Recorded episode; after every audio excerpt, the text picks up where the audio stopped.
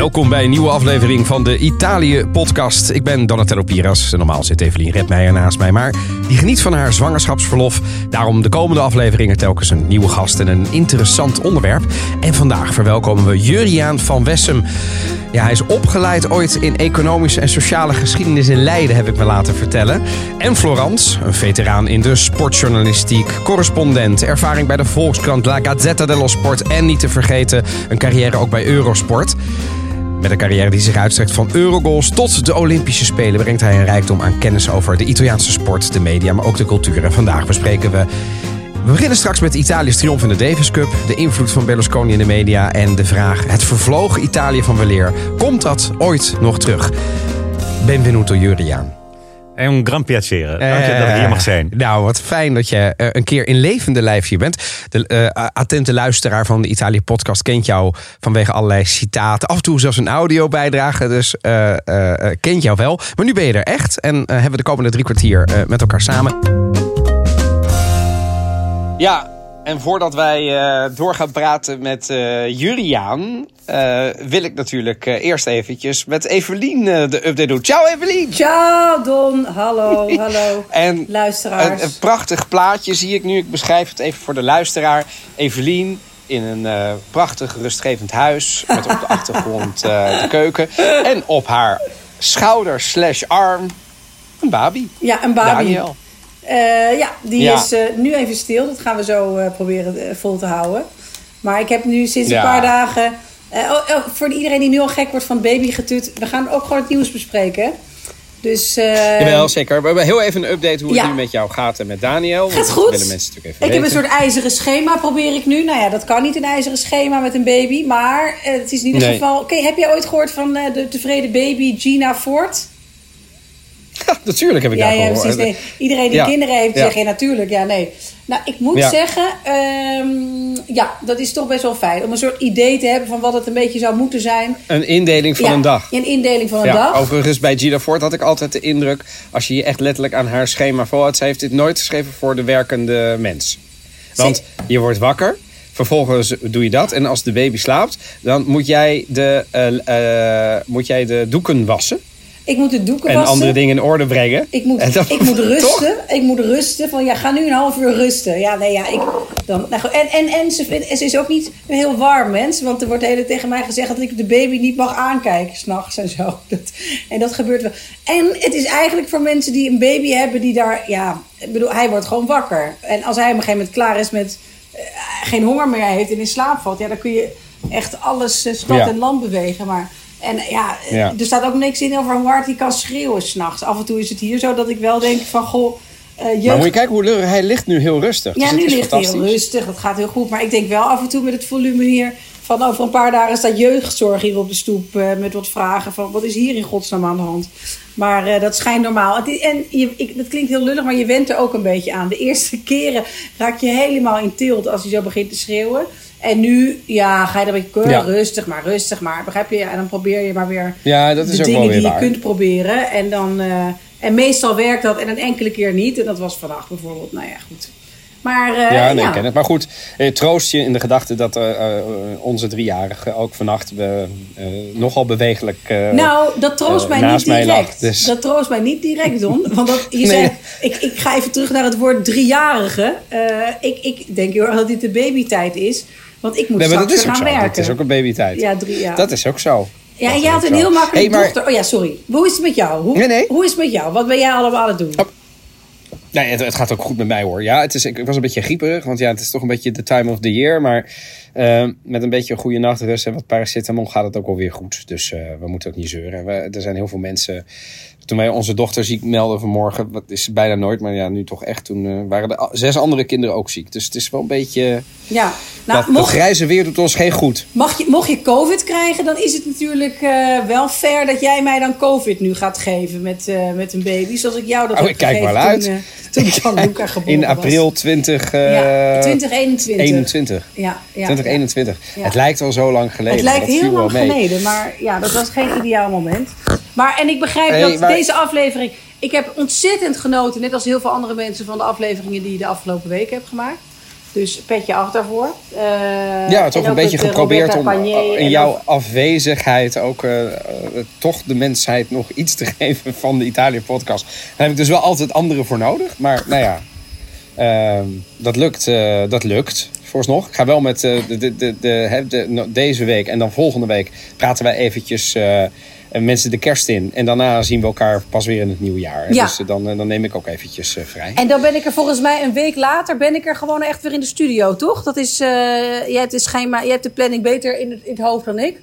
Die zeg maar... Ja, ik weet, de planning voor 20, die, die, die kunnen we beter volgende week geven. Dan weet ik hem helemaal ah, definitief. Er komt nog een, er komt een locatieuitzending in Hart, Amsterdam.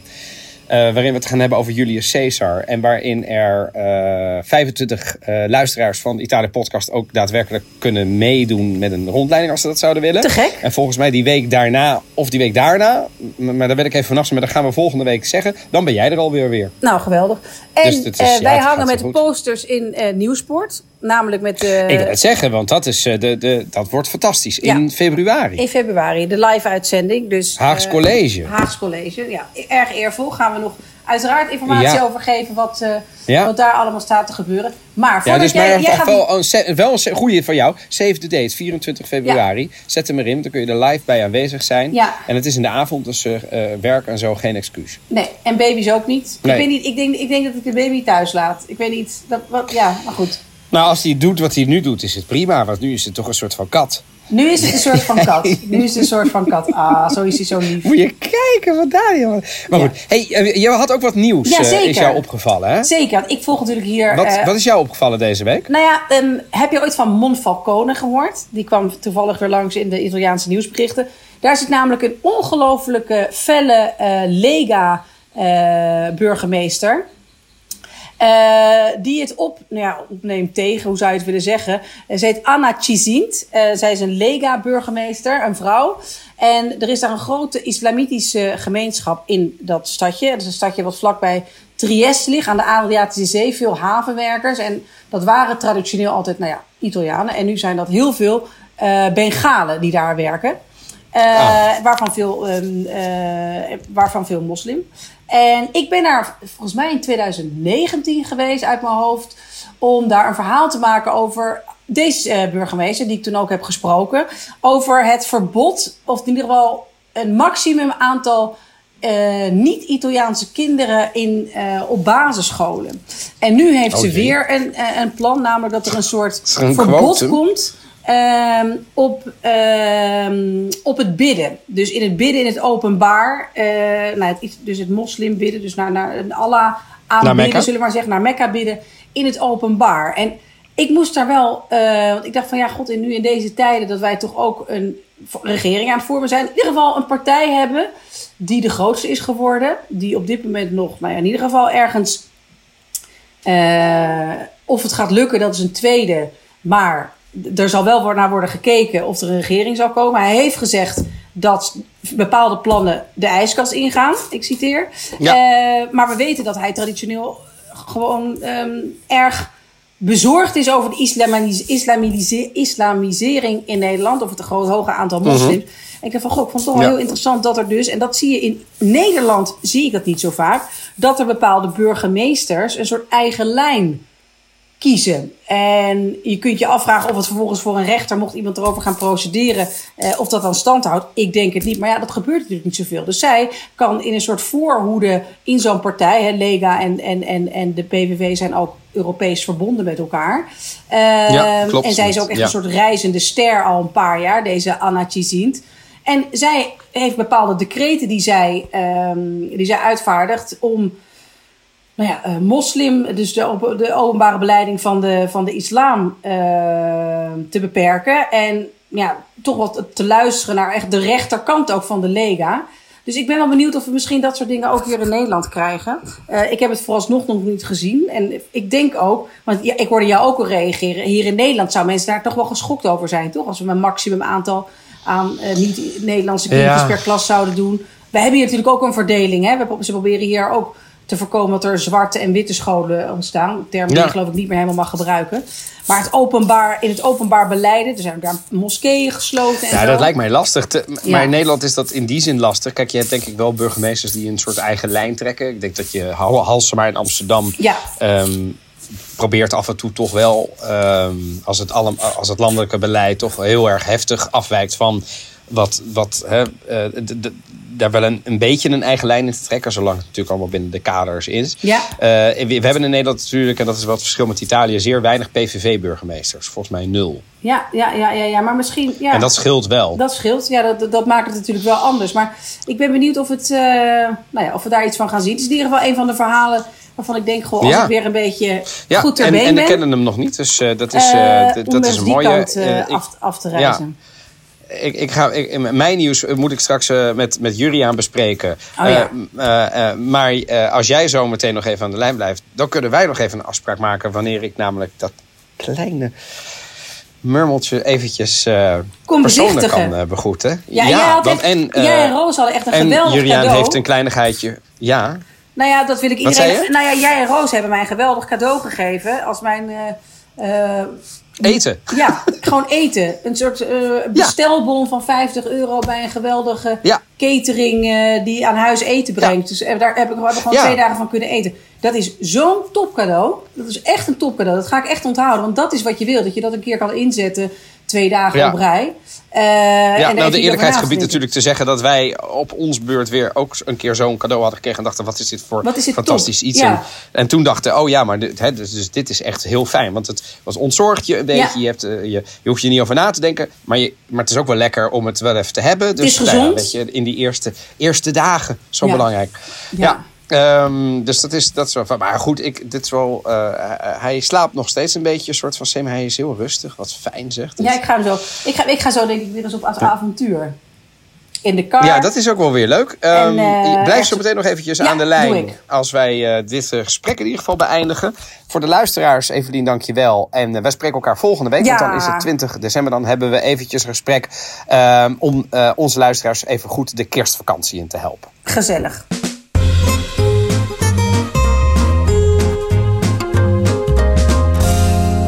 Juliaan, eh, eh, wat heb jij met Italië? Ehm, ja, heel veel. Heel veel. Ehm, als kind eh, een paar zomers achter elkaar op vakantie geweest. Ik heb geen. ik heb een, een, een Italiaanse overgrootvader, maar dat telde eigenlijk niet mee. Oh, Maar, die, maar wel een, mijn moeder een had een Italiaanse naam. En dat was wel eh, eh, Agina. Die ze in, in Nederland altijd eh, anders uitspraken. Dus Agina. oh ja. En, Agida pectoris, ja. maar ehm, eh, het is niet dat ik echt in, uit een Italiaans gezin kom, zoals jij uit een Nee, Italiaans gezin komt. Maar ja, ik heb met pap, de paplepel ingegoten gekregen Italië. Mijn vader was hoogleraar kunstgeschiedenis. Kijk. En eh, dat heeft er zeker toe bijgedragen. Eh, en er zat natuurlijk altijd wel iets in van Italië. En ik denk ook wel dat het in de genen heeft gezeten. Dat als er dan een Italiaans kind ergens weer terugkeert, dat, ik dat dan ben geweest. Maar, Ja. En, en, en, en je woont eh, niet in Nederland, niet in Italië, je woont in Monaco. Ja. Kom je nog vaak in Italië? ja, maar Monaco is natuurlijk ook wel eigenlijk een enclave Ja, het is... in, in Frankrijk. Een Ja. Italiaanse enclave voor alle duidelijkheid. Oh, echt waar? En daarom ben ik ook naartoe gegaan. Ja. En waarom, een voor de mensen die dat niet weten, waarom is het een Italiaanse enclave? Er Eh, wonen veel Italianen. ja, er wonen veel Italianen, maar het is natuurlijk ook eigenlijk... eh, Voor, voormalig. Eh, ja, het is, het, is een, het is zelfs een, officieel nog een iridenta. Dat zijn dus alle buiten Italië gelegen gebieden die eigenlijk wel aan Italië toehoren. Volgens een eeuw geleden de gedachte, het gedachtegoed. Dus Ticino in Zwitserland is ook eigenlijk Italië. ja, ja. Vinden, vinden ze daar zelf niet, geloof ik. Nee, hè? nee. Maar ehm, eh, Nice is een echt Italiaanse stad. Als Ja, je er ook rondloopt, Nizza, dan ja. zie, je, eh, zie je meteen Turijn terug. Ik vind die architectuur ook dat je denkt, oh ja, Ja. het is bijna een soort thuiskomen inderdaad. Ja. En is dat in Monaco ook? Ik bedoel, ik heb Monaco alleen van nou ja, twee keer gewerkt. En natuurlijk het circuit en eh, Ja. wat ze toen aan, de, aan het aanbouwen waren. Nou, het is natuurlijk heel, ehm, eh, heel klein. Ja. Dat, dat is, Ja. Maar het is wel klein. Betekent dat dan ook dat je veel mensen kent als je daar woont? Ja, als je er echt woont. in- Zoals jij doet, ja. ja dan, dan is het een dorp. Dus Ja? Dan is het, eh, ik hoef maar naar de kiosk te lopen of ik kom wel iemand tegen en dan maak ik een praatje. Zo werkt dat. Ja, en dat zijn meestal Italianen, want dat is natuurlijk de vraag dan, hoeveel Italiaans spreek je dan nog? Nou, Ja. elke ochtend de roze krant halen, dat is Ah, sì, certo. La en Ja. Eh, het, eh, het, eh, de, de kioskhouder is Italiaan. Dus het gaat vanzelf. Oh, echt waar? Ja, nee, dat, dat, dat. Ja. ja. Maar ehm, waar het van afgeleid is, daar kom ik dan waarschijnlijk straks nog wel op terug. Maar waar het van afgeleid is, is natuurlijk een, een dependance van Genua geweest. En ehm, de Grimaldis zijn ooit door de Doria's uit Genua Even, voor de, even voor de record. De Grimaldi's zijn de, de vorsten van... vorsten, hè? vorsten van Monaco. Van Monaco. precies. En ehm, dus is het eigenlijk een dependance van Genua geweest. Ah. Genua was natuurlijk een oude republiek. We komen waarschijnlijk wel wat historische feiten in dit een uurtje langs. Maar eh, van Porto Venere, wat we waarschijnlijk kennen, van de Cinque Terre bijvoorbeeld. Ja, zeker. Ja. Tot aan Monaco, die hele kust was van de Republiek Genua. Ja. Porto En- Venere overigens een prachtige plek. Dat is een van Ja. mijn eerste vakantiebestemmingen met mijn huidige vrouw, met Roos. Kijk, ja, ja. ja. Porto Venere. Ja, wellicht prachtig. Nou, en, en, en ehm, eh, Genua ligt dus in het, in het midden Ja. van dat rijk. En dus gespiegeld van Porto Venere kom je uit bij eh, Monaco. Ah, En, dan, ehm, eh, en dat is eigenlijk, en dat kom je eigenlijk overal wel terug. Het zijn verkapte Italianen. Het rare is dat, dat ze daar nu een beetje moeilijk mee doen. Maar ze zijn natuurlijk ereburger van Genua, de prinsen van Monaco. ah. Dus eh, Alberti is ook al eh, bij La Superba geweest natuurlijk. Ehm, hij heeft heel veel kleine plaatjes in Italië die toevallen aan de Grimaldis. En dat wordt dan ook altijd wel weer met enige ceremonie wordt dat elk jaar herdacht. Dus hij is op een tour, alsof een verkiezingstour door al die windgewesten aan het reizen. Dat is dus Vallecrosia, Dolce Aqua, ehm Seborga is natuurlijk ook zo'n plek. Die hebben dan weer een andere prins, maar dat is ook zo'n plek in Liguria. En zelfs tot in Apulië heb je nog ehm Grimaldi's zitten. Dus dat, dat, is, eh, dat is heel verrassend. Wijd Dus- dus- verspreid. ja, wijd verspreid in, eh, in, over Italië. Maar dat is de band dus eigenlijk van eh, Monaco en Genua. En ik ben ehm, ja, eh, op slag verliefd geworden deze week 40 jaar geleden op Genua. En dat vind ik echt de mooiste stad die er maar bestaat. Om veel meer redenen dan alleen voetbal, voor alle duidelijkheid. Ja, ja, zeker. En Overigens kwam jij wel binnen met een eh, Sharpa Doriana. Ja, als, ik natuurlijk. me, als ik me niet vergiste. Ja, eh, voor, de, voor, de, voor de mensen die niet meteen door hebben. Dat is een, een, een, een Doriano. Dan ben je van eh, de eh, aanhanger van de Italiaanse club Sampdoria. Ja. En Genoa heeft twee voetbalclubs. Genoa Ja. en Sampdoria. En jij bent duidelijk Doriano. ja, ja, je moet nooit vragen waarom, maar dat is wel zo. En als je me dat aan mij zegt, dan ga ik het natuurlijk wel vragen. Dat snap je. Dat, dat, dat komt op je pad. Ja, op En die heb- manier. Ja, ja, precies. die- Ja. die- die- Net zoals dat je mij vraagt waarom ben je Juventino. Ja, daar kan ik niet een hele theoretische verhandeling voor geven. Dat ben je of dat ben je niet. Ja, wij komen straks wel over voetbal te praten. Dan Ja, daar komen gaan we, we- daar wel verder. Gaan we, gaan we eventjes doen. We beginnen namelijk met iets anders. Eh, ook iets wat eh, leuk is. Laten we even luisteren.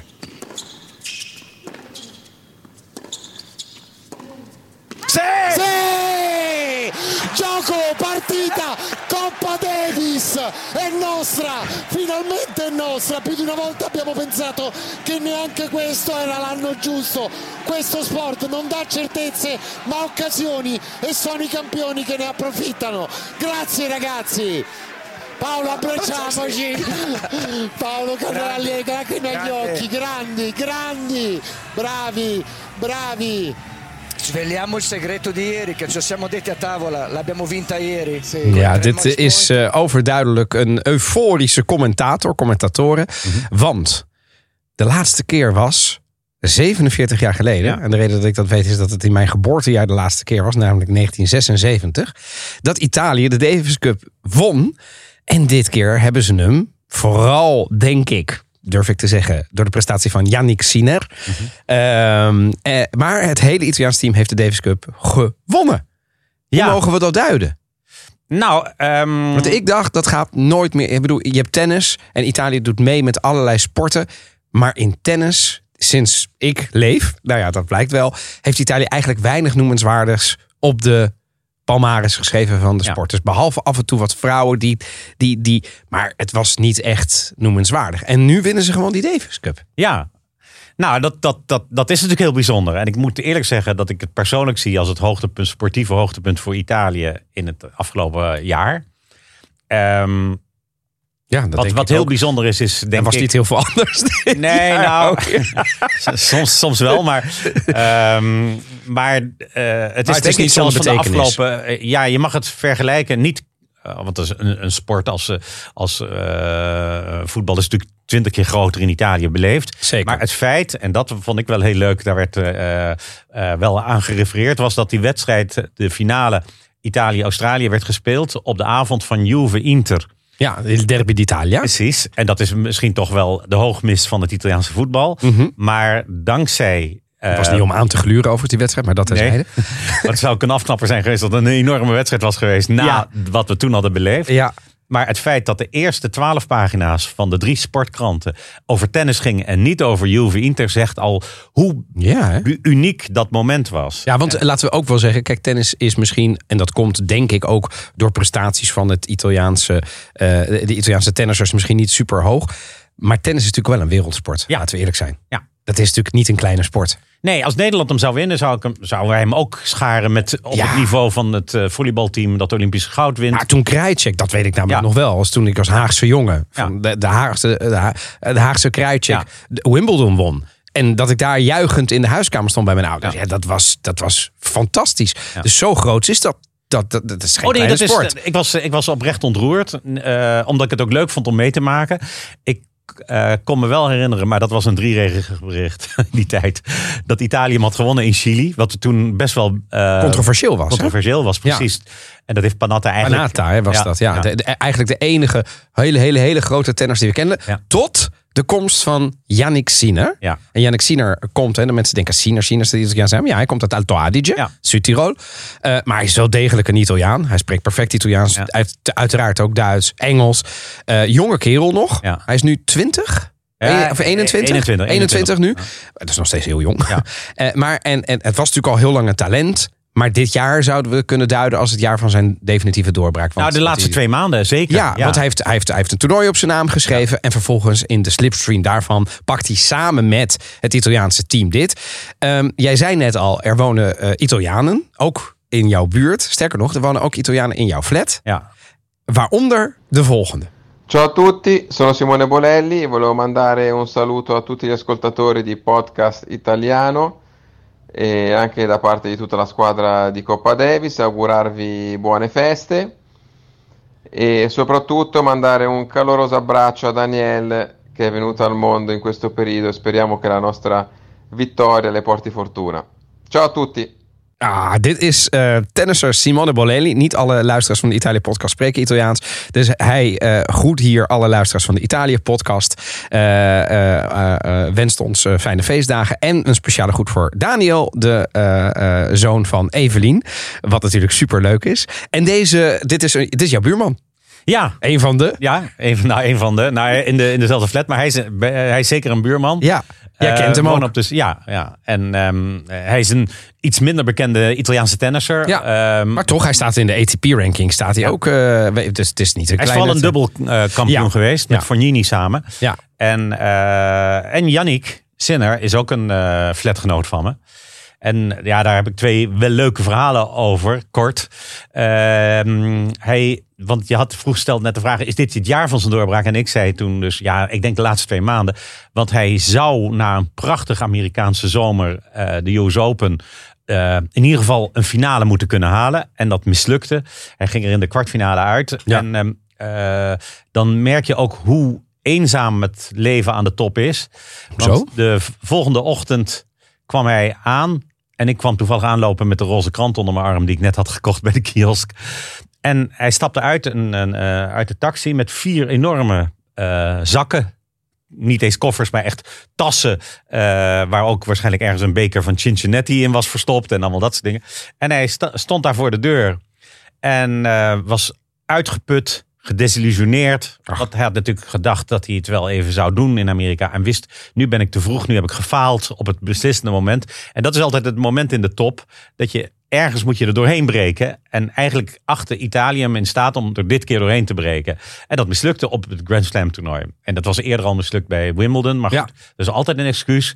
Eh, en in de top zijn er geen excuses. Dus Nee. hij was zwaar ondaan. Ach, ja.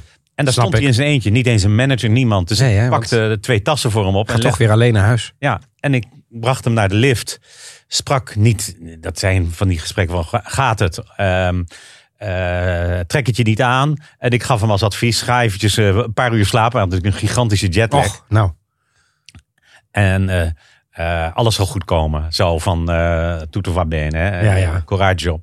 En toen vroeg ik van, moet ik je, wil je dat ik je... Nee, dat hoeft niet. Dus ik legde alles in die lift, hij omhoog. En ik heb hem daarna ook niet meer teruggezien. Ik bedoel, dat is dan het contact Ja. wat je hebt. Maar eh, het verheugde het me zeer dat hij daarna wel zich plaatste voor de Masters door een toernooi te winnen. En eh, daarna had hij dat incident met, in Parijs dat hij om twee uur s'nachts of drie uur s'nachts moet spelen. Oh ja. En dat hij bewust uit het toernooi is gegaan, omdat hij voelde: ik moet er in Turijn zijn bij de eh, Ja. Masters, die dus in Italië worden georganiseerd. En die waren eigenlijk voor hem georganiseerd. Maar hij moest eens een keer Djokovic verslaan. Toen heeft hij Djokovic verslagen in de groepsfase, maar heeft de finale verloren. Maar een week later verslaat hij hem Ja. in een waanzinnig eh halve Wat een finale. wedstrijd was dat. Ja. Ja, ik ben Ja. zelf tennisser. En het, het is, iedereen denkt dat ik alleen maar voetballer ben. Ja? Maar ik voetbal al een tijdje niet meer, helaas. Eh, overigens, als er leuke toernooien zijn, bel me. Maar, eh, nee, maar tennisser wel, want dat, dat, dat, dat wel. Dus eh, ook niet op een topniveau, maar ik tennis iedere week wel. En als je naar dit soort wedstrijden kijkt, dan denk je toch wel om. Daar waren rallies. Ja. Maar echt, die prachtig waren. En daar toont zich ook dat ware talent, denk ik. Ja, en hij stond dus 0-40 achter. eh, Drie matchpoints voor Djokovic. Ja. Wat ook betekent dat Italië zou zijn uitgeschakeld. Zeker. Ja. En Bolelli zei tegen me, ja, toen gingen we eigenlijk al vanuit, nou morgen alle koffers Ciao. inpakken en naar huis. Casa. En eh, er gebeurde toen iets heel bijzonders. Maar eh, ik moet er ook even bij vertellen dat Djokovic eh, woont nog steeds in de straat, maar heeft heel lang in die flat gewoond. Ah. Dus Sinner en Djokovic kennen elkaar ook van Ook buiten. privé. privé. Het is een beetje Ze zoals... zijn ook best wel eh, bevriend met elkaar. Het is een beetje zoals Leclerc en, eh, en Verstappen, zeg maar. Die elkaar ook nog kennen. Ja, ja, ja. Nou, ik denk zelfs dat het. eh, Djokovic heeft heel veel sympathie voor Sinner. Die ziet zichzelf Oh, ja? in Sinner. En, ehm, en wat gebeurde er? Dat is, vind ik, een te leuke anekdote om niet te vertellen. Eh, in de flat leven ook nog normale mensen. Zoals ik. maar er is ook een gezin met een tweeling. Een Italiaanse tweeling. Een jongetje van, en een meisje van zes jaar. En die spelen altijd voor de ingang van de flat. En, ehm, of fietsen of eh, touwtjes springen of doe maar op. Maar dat, dat doen kinderen natuurlijk. Ja. En op een gegeven moment eh, kom ik teruglopen. Eh, ik toevallig ook van de gym, maar niet echt imponerend om dat te benoemen. Maar tegelijkertijd met, met Sinner en Ludo, een ontzettend dat lieve meisje, ziet, komt naar me toe en die zegt: Heb je gesport? Ja, ja, ik heb gesport. En ik zeg maar, die heeft echt gesport. En dat, wie is dat? Ja, dat is Yannick Sinner. En is ook nog is Italiaan. En dat is echt, dan moet je. En ze had een, een schriftje bij zich, je moet zijn handtekening vragen. Dus eh, ze, oh ja, ja. Eh, dus hij, zij loopt naar hem toe. En eh, zij vraagt: Ben jij zo goed als Djokovic? En Sinner zegt: Nee, ik ben nog niet zo goed als Djokovic. Oh, maar dan hoef je je handtekening niet. loopt weg. En Sinner moest enorm lachen. Dus, De eerlijkheid van die kinderen. ja, Oh, dodelijk. dus toen liep zij weg. En natuurlijk hebben wij nu al duidelijk gemaakt. De eerste keer dat jij Sinner ziet, moet je die handtekening. Want Sinner vergeet dat natuurlijk wel, maar aan de andere kant ook niet, want het was te hilarisch. Ja. Ouders kwamen excuses maken. Nee, niet. Nee, Jannik, zet donder op. ik begrijp dat wel. Natuurlijk, ja. En dus toen hij voor de eerste keer had gewonnen van, eh, Van Djokovic. zeiden we wel te Ludo, Ludo, eh chiedete la firma. Lauter Oh, bravo en formidabel. Ja, oh, wat goed. Ja. Oh, wat heerlijk. Ja. Nou, eh, van, eh, de, eh, van deze sport gaan we... We gaan straks nog eventjes naar de, naar de, naar de Italiaanse politiek en, en andere zaken. Maar we blijven nog wel eventjes in de sportcontrijen. Ehm want ja, we hebben natuurlijk een tijdje geleden hebben we een podcast opgenomen met de mannen van Los Stadio. Heb ik het gehad over de toekomst van het Italiaanse voetbal. Ehm, wat heel grappig was overigens dat volgens mij eh, daags voor het verschijnen, maar toen was wel onze podcast al opgenomen, want het was, eh, was twee weken eerder opgenomen, eh, verscheen er mede van jou, althans niet van jouw hand, NOS Sport kwam met een, met een, met een analyse over dat Italiaanse voetbal, met een paar quotes van jou, die overigens wel enigszins overeenkwamen. Daar was ik wel blij om, want ik dacht als hij totaal iets anders had gezegd, dan gaan we dan. Maar over, over die, hè, van waar ligt het nu aan dat het een beetje stokt, et cetera. Hè, hoe zit het nou met het talent? Hoe kijk jij er nou naar? Hè? Want wij hebben natuurlijk, we gaan die hele podcast niet nog een keer overdoen. Maar nu je er toch zit met redelijk wat verstand van voetbal en zeker het Italiaanse voetbal. Eh, komt het nou ooit nog goed met dat Italiaanse voetbal? Nou, toernooien, toernooien, wat bewezen de laatste EK. eh, in toernooien kan alles met Italië. Ja, oké, maar toernooien, weet je, misschien winnen we nog wel eens een EK, misschien een WK, dat zou ik fantastisch vinden. Maar even de, die Serie A, die, dat, want daar, daar, die broedplaats van waar de Luca Tonis, de Roberto Baggios, de Del Piero's, de, ja, noem ze allemaal maar op, zijn opgegroeid, groot geworden zijn en daardoor ook in het nationale team grote ogen gooiden. De, de, de, de- het lijkt nu, hè, we hebben geen spitsen, althans geen scorende spitsen, we hebben geen wereldteam. het, is, het, het kan best gebeuren. Eh, ik, ik heb vertrouwen in Spalletti. Maar als ik naar de Serie A kijk en ik kijk een beetje om me heen, dan denk ik oei.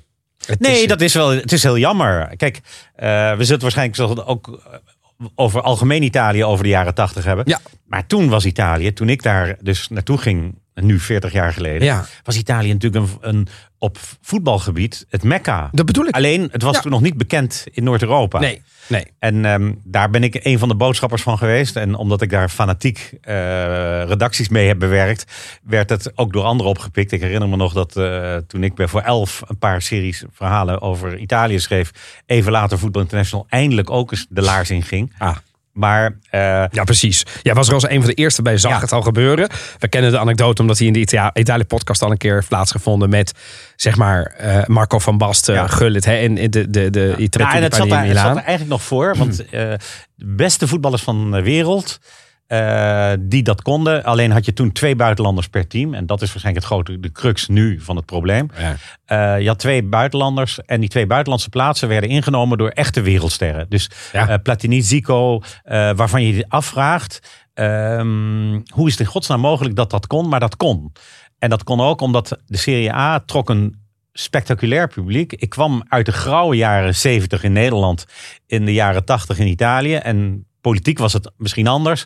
Maar voetbaltribunes waren toen best wel onveilig. Ja. En ik kom eh, de Curva Fiesole op en ik zie iedereen zingen. Er is vrouwen, mannen door elkaar. En natuurlijk prachtige mooie vrouwen in een voetbalstadion. Ja. Is voor iemand die 22 is toch ook wel opmerkelijk eh, Ja. om te signaleren. In plaats van alleen maar schreeuwende mannen, dat je om je heen keek en dacht, oh wauw. Dit, En, ehm, ehm, en dat zo'n hele stad vibreerde. En dat gold eigenlijk voor dat hele land. En dat had alles natuurlijk te maken met het WK 82. Eh. dat werd gewonnen. Ja. Daar kwamen alle sterren kwamen Spanje. echt als... eh, ja, eh, daar kwamen ze alle, dus dat Italiaanse voetbal stond op een heel hoog niveau.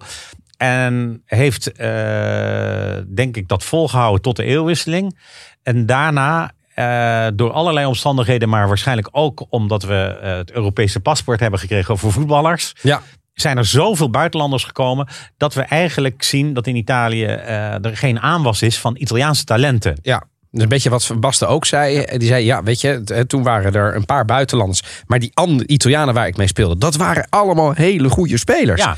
En als je nu af en toe kijkt, dan spelen er wel heel veel buitenlanders. Maar ja, die, die Italianen die komen maar niet door. Ja. En dat komt dus doordat die plekken, hè, dat hebben we natuurlijk met, met, met, met, met, met eh, Willem eh, en, eh, en Wesley ook nog besproken. Van ja, je, je kunt natuurlijk maar één iemand neerzetten daar. Ja. Dus als je een buitenlander haalt, omdat hij sneller op dat niveau is, omdat hij ouder is, ja, dan ga je niet investeren in die, die, die Choten die zeg maar nog dat niveau moet halen en Ja. die nu nog in de Primavera speelt. Maar als je dat niet doet, dan krijg je dus niet die, die talentontwikkeling. Ja, nou ja, Waar gaan die Juventus- spelers dan heen? Juventus heeft bijvoorbeeld al die, die, next-gen ploeg. Ja. En daar stijgen langzamerhand spelers door. Ja. Het is niet het mooiste voetbal, maar het is in ieder geval bemoedigend dat een Gatti een wedstrijd kan beslissen.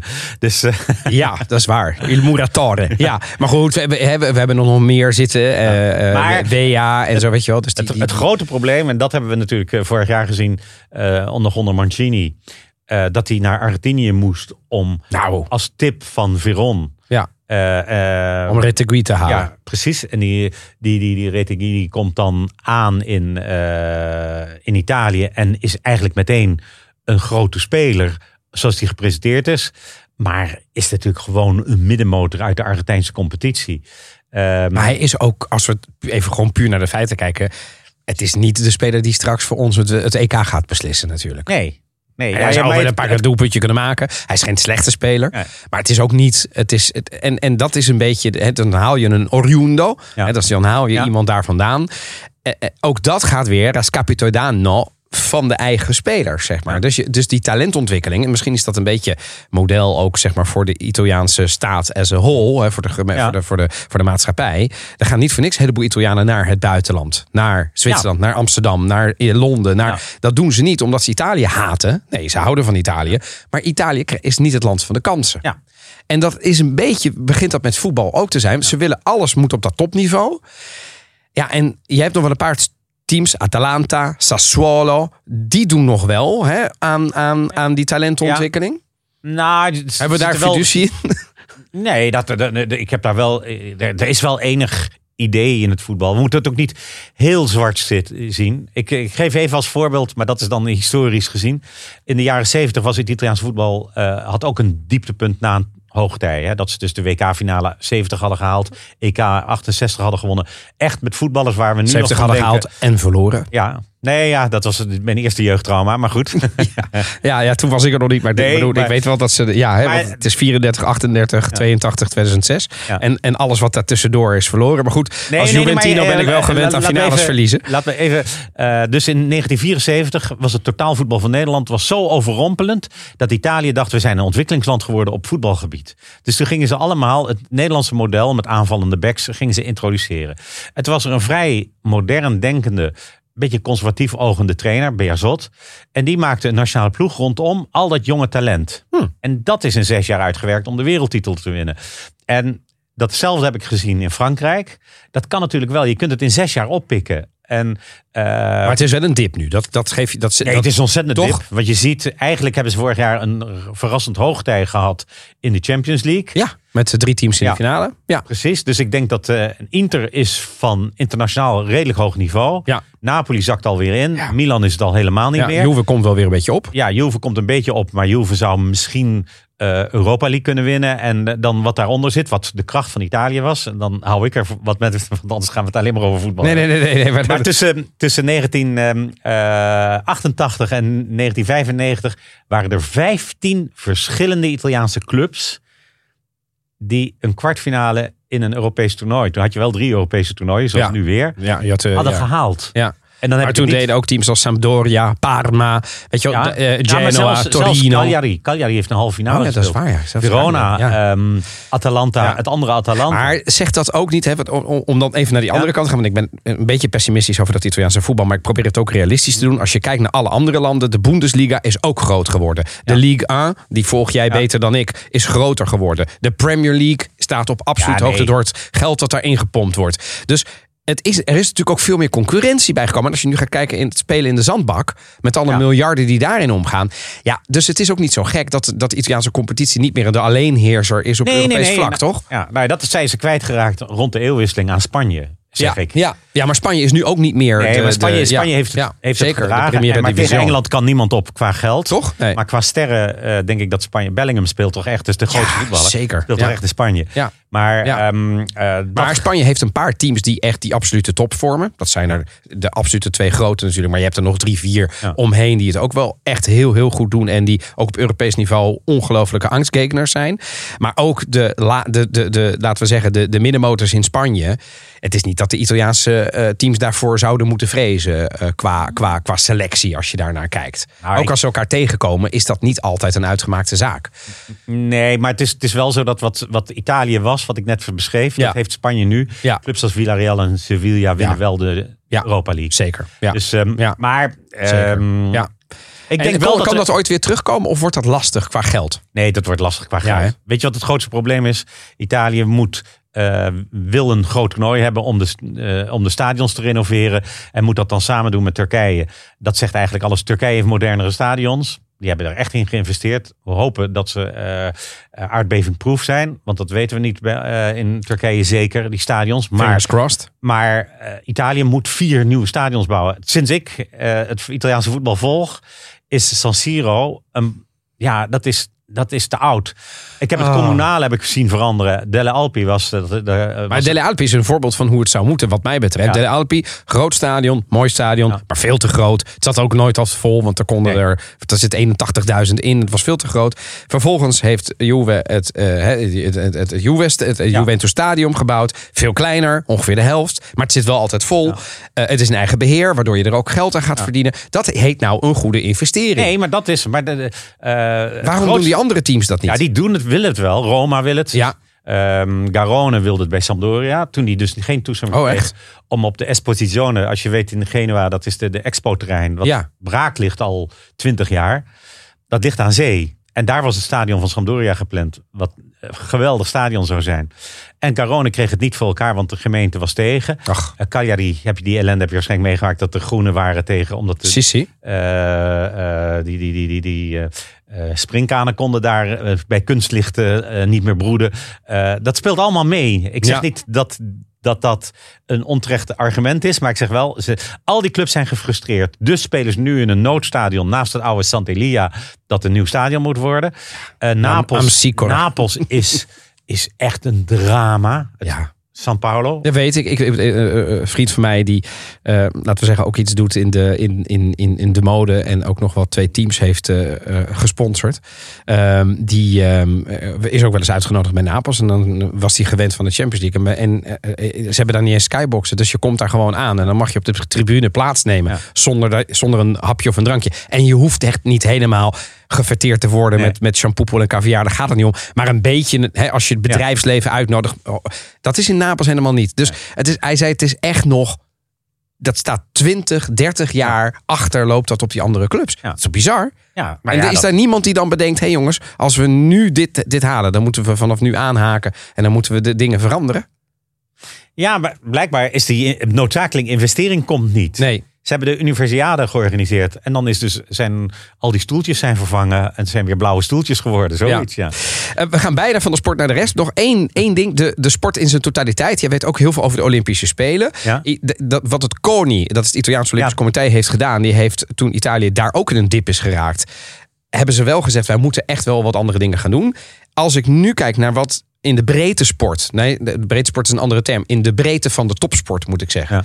Eh, als ik kijk naar ehm, hoe Italië presteert op zowel de winterspelen, maar ook op de zomerspelen in de verschillende categorieën, hebben ze daar wel hun best gedaan om echt te investeren in van curling tot atletiek en van, van, van, van, van biathlon tot eh over eh, grote hulde aan de Italiaanse skidames. Ja. Die, die zeker in de internationale sport nog een beetje altijd, eh, maar ook in Italië af en toe vind ik, wordt weinig aandacht besteed aan bijvoorbeeld Brignone en zeker Sofia Ja. Goggia, die een ongelofelijke kampionessa is. Maar volgens mij hebben ze daar wel iets goeds gedaan om, om, dat, om, om, om te investeren in, in, in heel veel verschillende categorieën. We gaan in, in komend jaar, is dat al? Hè? Komend 2024 Parijs, Olympische Spelen, gaan we zien of dat een beetje de vruchten afwerpt voor de grootte van het land van Italië. Ja, nou ja, ze hebben de 100 meter gewonnen, wat het Ja. koningsnummer is Ja. natuurlijk. Ja, Alleen was eh, Jacobs. Ja. Jacobs. Nee, eh, ik, eh, kijk, ze organiseren, dat vergeten we bijna. En dat is bij, kan ook weer een drama worden. 2026. Ja, 2026. Maar dan is dus Spelen. de bobsleebaan, daar wordt nu nog over gesteggeld. Ja, Nou, dat zegt eigenlijk, eigenlijk alles. Cortina, Milano Cortina. Ja, en, eh, en, eh, Maar ik, ik, ik heb goede hoop. In 2015 eh, was het de Expo. Mhm. Dat was ook een jaar eerder. Was het allemaal nog een drama. Ik, moet, ik ben daar toen ook nog Ja. geweest. Het was goed georganiseerd. On-Italiaans hebben sommige mensen zelfs gezegd. En dan denk ik, ja, ze kunnen het wel. Zeker in het noorden. Dus als ze in Cortina, met, hè, dat zijn de regio's Lombardije, de rijkste regio van heel Italië, samen met Südtirol. Als die het niet voor elkaar krijgen om dit te organiseren, met een beetje hulp van Veneto, ja, dan is het land failliet hoor. Ja. Nou ja, maar de- ze, moesten, eh, ze hebben gevraagd bij St. Moritz om de bobsleebaan. En uiteindelijk, Ja, maar uiteindelijk is Meloni vond- dat tegengehouden. Ja, maar dat vond ik wel een goeie. Uiteindelijk hebben ze gezegd, ja, maar dit ding is A, dat gaan we dan heel veel geld investeren. Qua klimaat, qua alles, is het allemaal niet rendabel. Hij moet daarna weer worden afgebroken. Terwijl die daar kan, daar is er één. Zullen we dat dan doen? Toen dacht ik, oké, het zou heel nationalistisch geweest zijn om te zeggen, we gaan hem toch bouwen, want wij organiseren het nou eenmaal. Als die 100 kilometer verder is, laten we dat dan wel doen. Als dat met te veel dingen gebeurt, zou ik het heel erg vers- verschillend vinden. Maar Italië is ook wel het land van de polemieken, waarbij dit dan wel als een ongelooflijk manco wordt gezien. Maar uiteindelijk, kijk, een Olympische Spelen gaat over de organisatie als je het organiseert. En over de prestatie als gastland. En als je dan niet in de top 10 komt, heb je toch een beetje gefaald, denk ik. Ja, natuurlijk. Nee, dat, het is altijd, zie je dat... Ja. Hè, de- de- nou ja, ze hebben, ze hebben toch bij Turijn, dat vond ik wel grappig, Ja. hebben ze wat schaatsmedailles eh, afgepakt. Oh, wat schaatsmedaille. Wat eh, hebben ze? Sigel, de- eh. ja, Roberto Sigel op de 1500 Ja. meter. Ja, dat was... eh, Nou, ja, ja, ja. Maar goed, we gaan even van de, van, de Italia, van, de, van, van de topsport gaan we eventjes via media en, en, en naar de politiek. Want waarom de media? Jij kent dat ook. Het media-imperium van Silvio Berlusconi, de invloed daarvan op Italië. Berlusconi is niet meer. Die is overleden. Ehm, hij heeft wel een enorme boost gegeven aan het media-imperium met zijn, ik zeg, hem, eh, ik zeg met Mediaset. Ehm, wat nu van zijn zoon Pier Silvio is. Ehm, en dat is geen kleine speler in de. Dat was geen kleine speler. En volgens mij Tutora is geen kleine speler in de media. nee, internationaal ook nog. Nog steeds, toch? Ja, ja, ja. Zeker in Zuid-Europa. En, eh, maar ja, de betekenis van Berlusconi op mediagebied. Dat eh, eh, iedereen die, die, die de jaren zeventig bewust heeft meegemaakt. Dat zijn waarschijnlijk niet veel luisteraars van Nou, ook, nou, daar onderschat ze niet. Ik denk, Nee, eh, ik denk nee, dat, eh, is niet onderschatten, maar ik denk... Nee, nee, maar ik denk dat er, veel- dat er veel wat. Nou, veel. Ik denk een kwart van de luisteraars heeft die zeer bewust meegemaakt. Ja. En ehm, die kunnen zich dat herinneren. Dat waar Nederland maar twee zenders had, had Italië er toen 30. En dat waren allemaal lokale piraten. eh, waar wandkleden werden eh, verkocht. eh, waar rare shows waren. Waar amateurvoetbalwedstrijden integraal werden uitgezonden met Ik moet zo lachen, want ik, die dingen zijn er af en toe nu nog op die lokale Ja. zenders. En daar moest ik met mijn neven altijd, keken we dat altijd in de zomer. En dan moesten we altijd heel hard lachen. Want dan was er weer een of andere derdehands autoverkoper die dan wandkleden verkocht. En we moesten zo hard lachen. Want ik bedoel, die man of vrouw was al niet te verstaan voor ons. Laat staan. Dus het was heel grappig. Maar dat, ja, dat herken ik nog wel. Dat was over in- in- tot diep in de jaren negentig hebben die zenders nog bestaan. Ja. Maar het was dus een soort eh, een, een, een, een, een, een, een, een, een, een kaleidoscoop aan verschillende Precies. zenders. Ja. Dus toen ik, eh, ehm, toen ik in, in 83 in Italië eh, was het, het zappen was echt dat je 30 zenders had. En op een gegeven moment Klik, klik, zat ik weer, oh, daar is Fiorentina. Dan gaan we even kijken. Of daar is eh Dirk. Je kon toen echt zeppen. Ja, je kon Ja, echt zappen. ja. En ehm, ehm, wat er dan gebeurde was eh, eh, dat die zenders die hadden allemaal maar een rijkwijde voor de regio. En er waren maar drie nationale zenders. En dat was Rai Uno, en Rai 2. En die waren best wel ook eh, gekleurd dat Rai Uno was van de regeringspartij. Rai van de oppositie. En Rai 2 van regionaal. Maar meestal met het landelijk nieuws. En dat was eigenlijk best wel communistisch. Berlinguer had dat afgedwongen. Maar in, eh, het, het, was, het, het, was behoorlijk ontwikkeld op zijn Amerikaans. En dat viel mij wel op toen ik, eh, dus in begin jaren tachtig naar Italië ging. Vond ik dat Italië enorm Amerika eh, georiënteerd was. En dat had ook te maken dat ik met een feest te maken kreeg waar ik nog nooit van had gehoord. Halloween. En dat vonden de Italianen, die, die, die, die vierden dat echt. En dat ik denk, wat is dit voor carnaval? En, dus zo lang geleden is dat ook niet. Ehm, Nee. Eh, en dan kwam je weer terug in Nederland. Dan was het eh, Nederland 1, Nederland 2. Ja, ja. En wat heeft Berlusconi gedaan? Berlusconi heeft de orde eh, kunnen scheppen in de chaos. In die chaos. Dus wat deed hij met zenderbaas Galliani, die wij vooral van het voetbal kennen? Die kocht in Nu elke de, regio. Mon- de directeur van Monza. Precies, precies. Maar eigenlijk vooral de man die de kale Monsieur. Lumière die het veld opliep in Marseille om een wedstrijd afgekeurd te krijgen. om Gullit en Van Basten en Ja. Rijkaard niet te laten verliezen. Maar die, die eh, Galliani, ehm, die ging dus alle zenders, eh, of alle regio's langs en pakte één zender die er redelijk uitzag.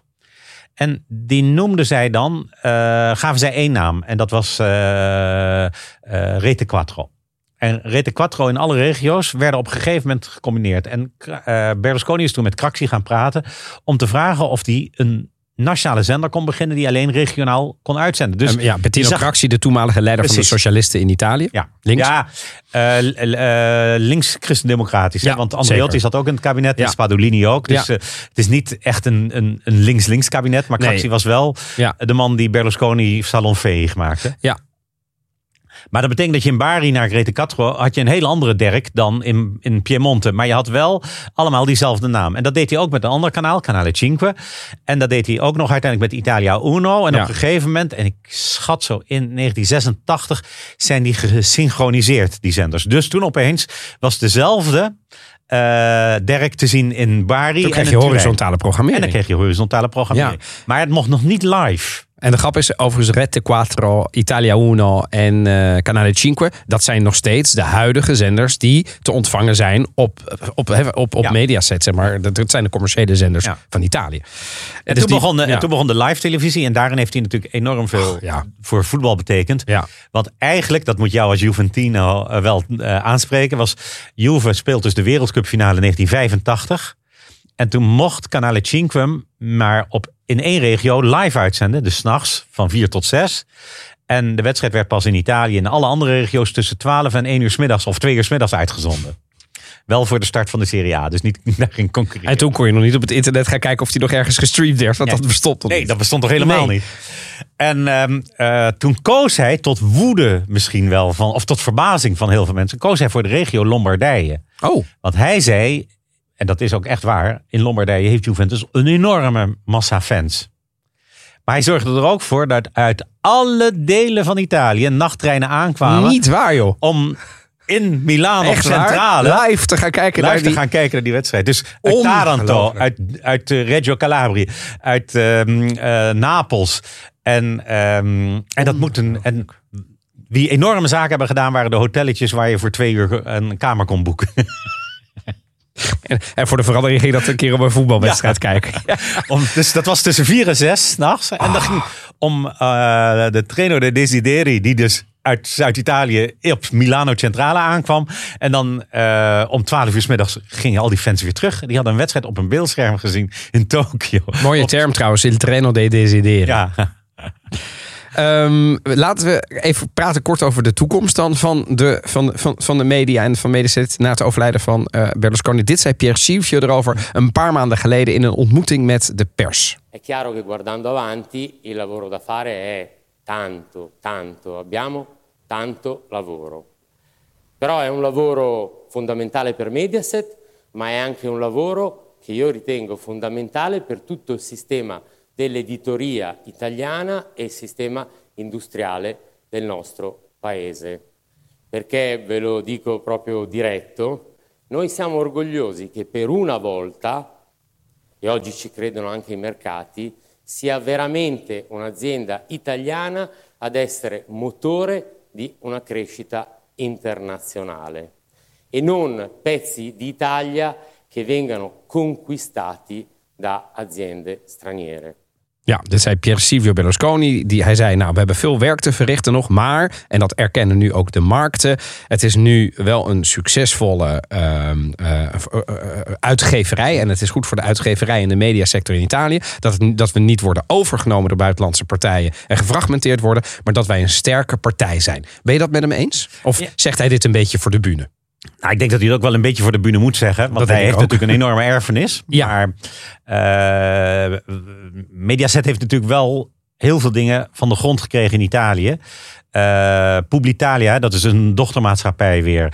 eh, die de reclamefilmpjes op Amerikaans niveau kreeg in de jaren 80, 90. Is natuurlijk een hele belangrijke poot. Want reclames is natuurlijk heel belangrijk voor commerciële televisie. Ja.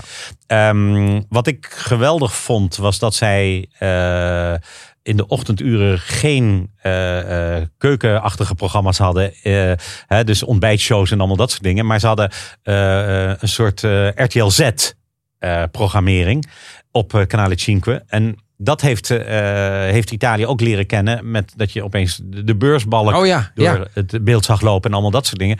Daarin heeft, ticker, hebben zij, ja. dus zij zeggen dus nu, eh, wij moeten ons niet laten overnemen, want er zitten zoveel van onze kwaliteiten in. Aan de andere kant is natuurlijk de vraag, hoeveel hou je over als je de hele tijd verlies draait en je weet dus niet of je winst of verlies maakt. En dat zijn de geheimen. Want als jij eh, voor eh, een gigantisch bedrag bijvoorbeeld de Formule 1 rechten koopt of eh, het nou ja, Eurovisie Songfestival is nou eenmaal aan de Eurovisie gegeven. Ja. Maar er zijn natuurlijk evenementen die je wel wil overnemen om weer in de markt te blijven. En je hebt het publiek er niet meer. Want het publiek, en zeker al die jongeren die ook emigreren, die zijn al gewend om op de tele- telefoon, Telefoon, naar televisie ja. te kijken. Ja, YouTube, ja. Dat wordt, dat, daar moeten zij een, nog stappen in maken. Ja. Daarin ligt Italië wel weer achter. Want zij, zij zijn nog wel van de lineaire televisie natuurlijk. Precies, Hè? En precies. nu lo- loont dat nog omdat Italië een vergrijsd land is. En heel veel mensen, zoals ook veel van mijn ooms en tantes... Ja. die kijken nog altijd gewoon Ja. lineaire televisie. In, och, s ochtends gaat hij aan en s'avonds gaat hij uit. En in de tussentijd is dat. Maar op een gegeven moment gaat dat hard veranderen. Ja. En, en, en, en of je gaat wel investeren in die online community... en anders mis je de boot. Ja, nou, en dat, dat, dat merk je. Dat, eh, je hebt een paar. eh, Sky is natuurlijk zo'n zender die, Ja. die eh, Ja. enorm aan het uitbreiden is. Ja. En dat is een slag die Berlusconi wel had voorzien, maar die, die, waar die niet enorme status heeft. En wat mij altijd opvalt, en dat zal jij ook meteen herkennen, is dat als, als aangekondigd is dat om kwart over eh, acht een programma begint, dat het meestal pas nog Eh. acht minuten later begint. Het is, het is alsof we in Napels zijn. Een, Ja. een, een indicazione. Het is niet, in Nederland is het acht uur is acht uur. Ja. In Italië. Ja, maar in Italië lopen alle programma's ook uit. Dat ik Ja. denk, maar hebben ze daarna geen programmering meer? Dat maakt dan niet uit, want dan beginnen zij gewoon tien minuten later. Ja. Dan moet je in Nederland niet flikken, want dan krijg je echt een probleem met je zenderbaas. dat, dat is. eh, En ja, en ik neem aan bij Eurosport gebeurde dat ook. nou, bij Eurosport eh, was dat eh, was, was ik wel, heb ik het moeten leren, ja. Ja. Hardleers. Ja, toch? Ja. ja want e- einde is einde. Ja. Eh, with an eye on the clock ook hier. Mhm. gaan wij ook praten. Hè, want we hebben het gehad over sport. We hebben het een beetje gehad over de media. en over de, de, de erfenis van Berlusconi. Ik wil een beetje naar de maatschappij in Italië. Ik heb het genoemd het vervlogen Italië. Het Italië waarin eh, de auto's het goed deden. De media het goed deed. De sport het goed deed. Het voetbal van weleer. Eh, inderdaad, jij noemde net al een beetje de jaren tachtig. Ehm, Italië zat in een economische boom. Dus het ging economisch ook Ja. nog voor de wind. Het was ook wel een voorbeeldland en mensen waren er trots op. Ja. Ehm, dat is nu niet meer zo. Nee. Ehm, zoals ik Italië meemaakte, kwam het net uit een enorme gouden periode. Voor mij persoonlijk. Gianni is, Di eh, Piombo? ja, Gianni Piombo. ehm, Bologna, 2 augustus Ja. 1980. De Dus de aanslag op het station in Bologna. Dat is iets wat ik eh, me wel goed kon herinneren. Dat je, dat je Ja, echt- dat weet je nog? Ja, dat je de auto aan de kant zet. Om te, wat is daar in hemelsnaam Ja, gebeurd? ja een Mijn beetje. vader zat te luisteren. een soort 9-11 moment. Precies. Maar dan, ja. Ja. Ehm, heel veel aanslagen. Ik heb zelf nog, eh, ben ik één keer aangehouden door de politie in de affaire Mostro di Firenze. Maar dat was meer omdat eh, ik in mijn studentenhuis op een illegale manier binnen wilde komen. en zogenaamd volgens de buurman op de vlucht was. Dus, Oh. en, eh, en daarna, en er was die dag een aanslag Verdachte geweest. omstandigheden. Ja, verdachte omstandigheden. En na tien minuten snapte de politie wel van nee, deze, is echt, deze Hollander is echt onschuldig. Maar ehm, dat was, waren wel eh, tijden waar wij ons eigenlijk niet meer van kunnen beseffen eh, dat ze er zijn geweest. Dat je echt moest uitkijken. Dat er aanslagen waren op inter- intercities. Zeker in de kerstperiode. Ehm, de, de, de, de, de, de, de eh, Brigate Rosse, die, die natuurlijk ook overal waren. Waar eh, ook heel veel om te doen is geweest. Ehm, en dan die aanslagen, de, de, de, eh, het de schandalen, hè, de Banco Ambrosiano. ehm, en op een gegeven moment, en dat is natuurlijk wel. En eh, Italië heeft ook heel veel politieke schandalen gekend natuurlijk. Ja, ook, natuurlijk. ja. Nou ja, en Aldo Moro, dat kan, ik me ook nog Ja. wel herinneren. Zeker. De, overigens voor de mensen die denken, hey, eh, ik, ik luister dit. Ik weet niet, de Annie Di Piombo, dus de Lode Jaren, hebben we ook een aparte podcast aflevering over gemaakt. Eh, een vrij uitgebreide aflevering waarin we aan de hand van drie vers- verschillende aanslagen, de grootste aanslagen, en we eindigen inderdaad met Bologna, proberen om die periode, die, die ja, uiteindelijk toch wel ruim twee decennia heeft geduurd, een beetje samen te vatten. En jij zei, hè, de jaren tachtig was eigenlijk een beetje het einde, de afsluiting van die periode. Toen kwam jij Italië binnen. Ja, en toen was het dus echt booming. Waarschijnlijk eh, psychologisch ingezet met dat WK voetbal. Waar voor het eerst eh, sinds de eenwording de tricoloren overal wapperden. Ja. Dat eh, iedereen de straat om ging om feest te vieren. Dat was helemaal niet zo. Hè? Italië Nee. was eigenlijk een, een, een, een, een, een samenraapsel van regio's. ja, maar ja niet, dat is het eigenlijk nog steeds. Ja, maar de tricolore, ja, Ja, de dat, tricolore. ja en, de, en de internationale en zo, dat is pas later gekomen dat dat populair werd. Ja. En, en in 82 zei je, zag je dat ineens overal wapperen. Ja, dat, dat, vanaf dat moment was er een echt Italiaanse trots. En dat zag je ook in de industrie.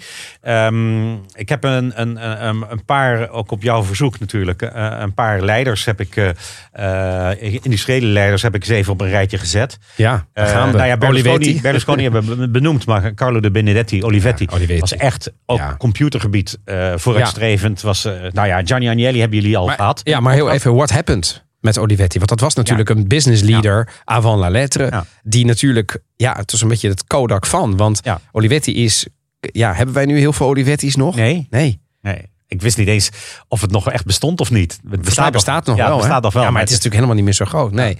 Ja. Eh, Raoul Gardini, dat is van eh, Ferruzzi.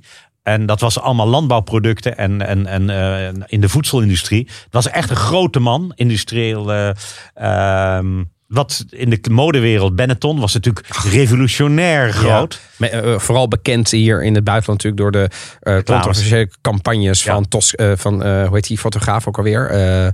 Die heel veel controversiële Ja. foto's maakte. Heet hij niet Toscani? Die, die, Ja, dat kan wel, ja. Ja, ja, eens even opzoeken. Want ja, met, met, met hè, eh, een van de meest bekende eh, reclamecampagnes van, van Benetton was het eh, de, de, de, de, de, de, de zwarte en de witte baby, Ja. zeg maar. Ja, ja. Ja. En, eh, en ook een beetje inhakend al op de, de culturele maatschappij die eraan kwam. Want in Italië, dat vergeten we ook wel, eh, was de komst van bijvoorbeeld een voetballer als Ruud Gullit was best wel revolutionair. Eh, zeker toen hij aandacht ging vragen voor apartheid.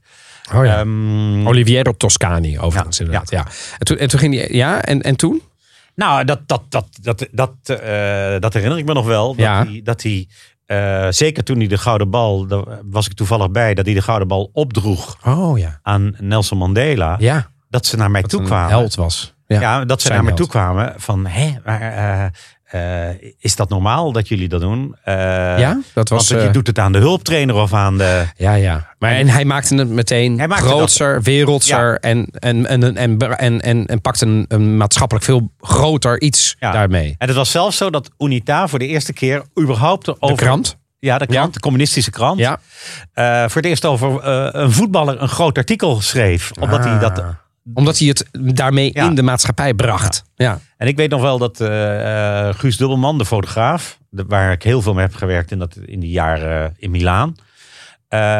dan nam ik hem mee naar Milaan en dan die keken ook zijn ogen uit van jeetje dat, ze- dat ze dat zo positief omarmen, maar dat dat eigenlijk best wel een oude maatschappij is in Italië. En ik zei, ja, maar het is wel niet een maatschappij die wel nu booming is. Ah. En wat ik ik denk dat Italië groter is gegroeid en toen ook opeens eh, Italia Novanta ging organiseren. ja, het, het, het, het Ja. WK voetbal. hè? Het WK Ja. voetbal. En dat je op dat moment, en dat is niet alleen maar voetbal gerelateerd, maar eh, eh, infrastructuur werd aangepakt. Ja. Er werd opeens werd, hadden ze snellere treinen en allemaal dat soort dingen. En oh, ergens is dat ook de wet van de remmende voorsprong. Dat, dat heb je, maar dan opeens moet je nog een stap maken. En die stap heeft Italië niet gemaakt. En dat komt waarschijnlijk toch allemaal uit het feit dat de Tangentopoli, dus de eh, Grote politieke smeergeldproblemen, schandaal. ja, dat dat in het begin van de jaren negentig ontplofte. Natuurlijk was er nog heel veel eh, ontwikkeling in Noord-Italië. Maar bleef Zuid-Italië eigenlijk in de tentakels van maffia-organisaties hangen. remmend eh, daardoor. Hè? Want het was wel één land. Het is nog steeds één land. Ja. Maar als je gaat kijken naar het noorden. eh, dat is zeg maar, hè, als je naar het noorden kijkt, is dat de derde regio in de economische grootte van heel Europa. Moet je voorstellen dat als dat alleen zou zijn. En ik ben absoluut geen pleitbezorger voor de. eh, Voor, hè, ik ben geen Lega eh, Noord adept. Maar puur kijken naar de feiten. Als je kijkt naar het noorden, is dat economisch ongelooflijk welvarend. En als je kijkt naar het zuiden, werkloosheid, maar ook de, qua grondstoffen, qua heel veel. En qua maffia, dus Ja. de, de, de, de, de georganiseerde criminaliteit is daar heel groot. In vier regio's. Ja. Ja, dat zegt wel iets over dat land natuurlijk. Nee, natuurlijk. En Ja. ik, eh, in 95 eh, ging ik naar Gioia Tauro. Gioia Tauro is een, een achtelijke haven in Calabrië op dat moment. Eh, in de handen van Drangheta, maar dat wist ik. Of dat, ja, dat, dat werd gezegd. Het was gefluisterd. Er werd gefluisterd. Dus ik eh, zit in de, in de trein. ehm, de trein uit Rome. eh, en raak in gesprek met mensen. Want dat gebeurt in Italië gelukkig altijd nog wel. eh, Ja. Dat iedereen met elkaar Ja. kletst en Ja. praat. En, eh, eh, of in het gangpad. Want de ramen konden nog open. Oh dus ja. dat, eh, Ja. was in die tijd was Ja. dat nog mogelijk. Ja. Dus, en een Italiaan die vraagt dan maar, ja, waar ga je heen? Ik zeg, ik ga naar Gioia Tauro. En die dacht dat ik een grapje maakte. Oh ja? En, en toen ik dus uit mijn koffer pakte daar Gioia Tauro. Ja. Toen zei hij van, pas je wel op hè. En als je, als je hier langer dan drie dagen bent, ben je, ben je ontvoerd. Dat was in die tijd, was dat toch wel de reputatie van Calabrië. Ja.